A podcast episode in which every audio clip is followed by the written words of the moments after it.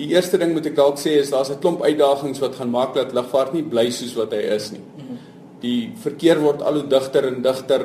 Daar's al hoe meer vliegtye in die lug. Mense is al hoe haastiger en dit maak dat daar verkeersknope ontstaan en vertragings en al die tipe van goed. En tweedens is daar nou 'n klomp ouens wat agtergekom het dat lugvaart 'n baie goeie plek is om 'n punt te bewys. So daar's mense wat bomme wil plant en mense wat vliegtye wil laat val en die tipe van ding. So lugvaart gaan nie bly soos hy is nie. So ons moet oplossings vind vir hierdie probleme en dan moet ons probeer vorder van daar af. Die eerste tipe verandering wat moet plaasvind is die lugruim. Die manier hoe al die vliegtye ingepas word sodat daar plek is vir almal. Tweede ding is die vliegtye moet verander. Hulle moet minder brandstof gebruik. Hulle moet minder geraas maak en hulle moet vinniger vlieg. En ons sit nou al so van die 1950s af vas op dieselfde spoed. Al die vliegtye ry so tussen 900 en 1000 km/h en daar's goeie redes hoekom 'n mens nie eintlik regtig vinniger kan gaan nie. Ehm um, die derde ding wat moet verander is lugverkeerleiding. Hulle moet maniere vind om vlieg al hoe meer vliegtye in die lugruim in te pas sonder dat die vliegtye aan mekaar vasry. En 'n vierde ding wat moet gebeur is dat die vliegtye uiteindelik soos 'n huiser in 'n gebou of soos 'n trein in 'n lughawe onbeman gaan wees en deur 'n rekenaar beheer word in plaas van deur 'n mens. Wat het al verander en wat word tans verbeter? In elke een van daai afdelings is al geweldige vordering.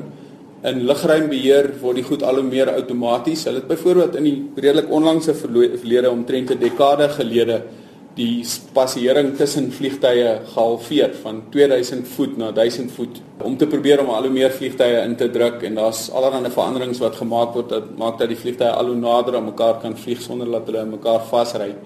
In vliegtye is daar geweldige verbeterings. Die Boeing 747-8 van vandag kan twee keer so ver vlieg soos die oorspronklike Boeing 747 van 1969. Die vliegtye brand baie minder brandstof, hulle maak baie minder geraas die groot vliegtye van vandag is eintlik stiller as 'n ligte vliegtyg van die 1960s. Daar's groot verbeterings gemaak in terme van lugruimbeheer. Daar's 'n stelsel met die naam van ICAS wat help dat vliegtye nie mekaar vasry nie en allerlei ander verbeterings in radar en so aan.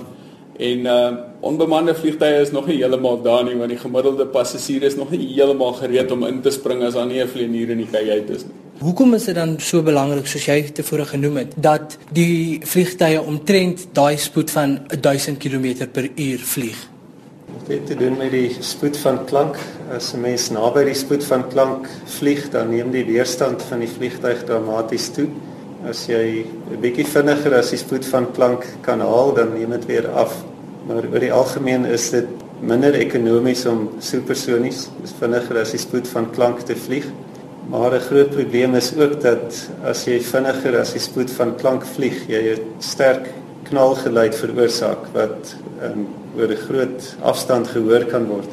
Die Concorde wat vir 'n paar jaar gevlieg het, is daardeur gedwing om net oor die see supersonies te vlieg. As jy sê maar oor Europa of oor Amerika met 'n Concorde sou vlieg, sou dit regtig lastig wees vir mense op die grond.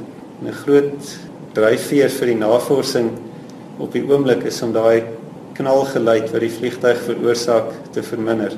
Daar is 'n paar maatskappye wat daaraan werk. Party wil sake vliegtygies bou. Ehm um, maar NASA en Boeing kyk ook na 'n supersoniese passasiersvliegtyg. Dit sal moontlik in die 5 tot 10 jaar venster sal daar dalk weer supersoniese vliegtye wees.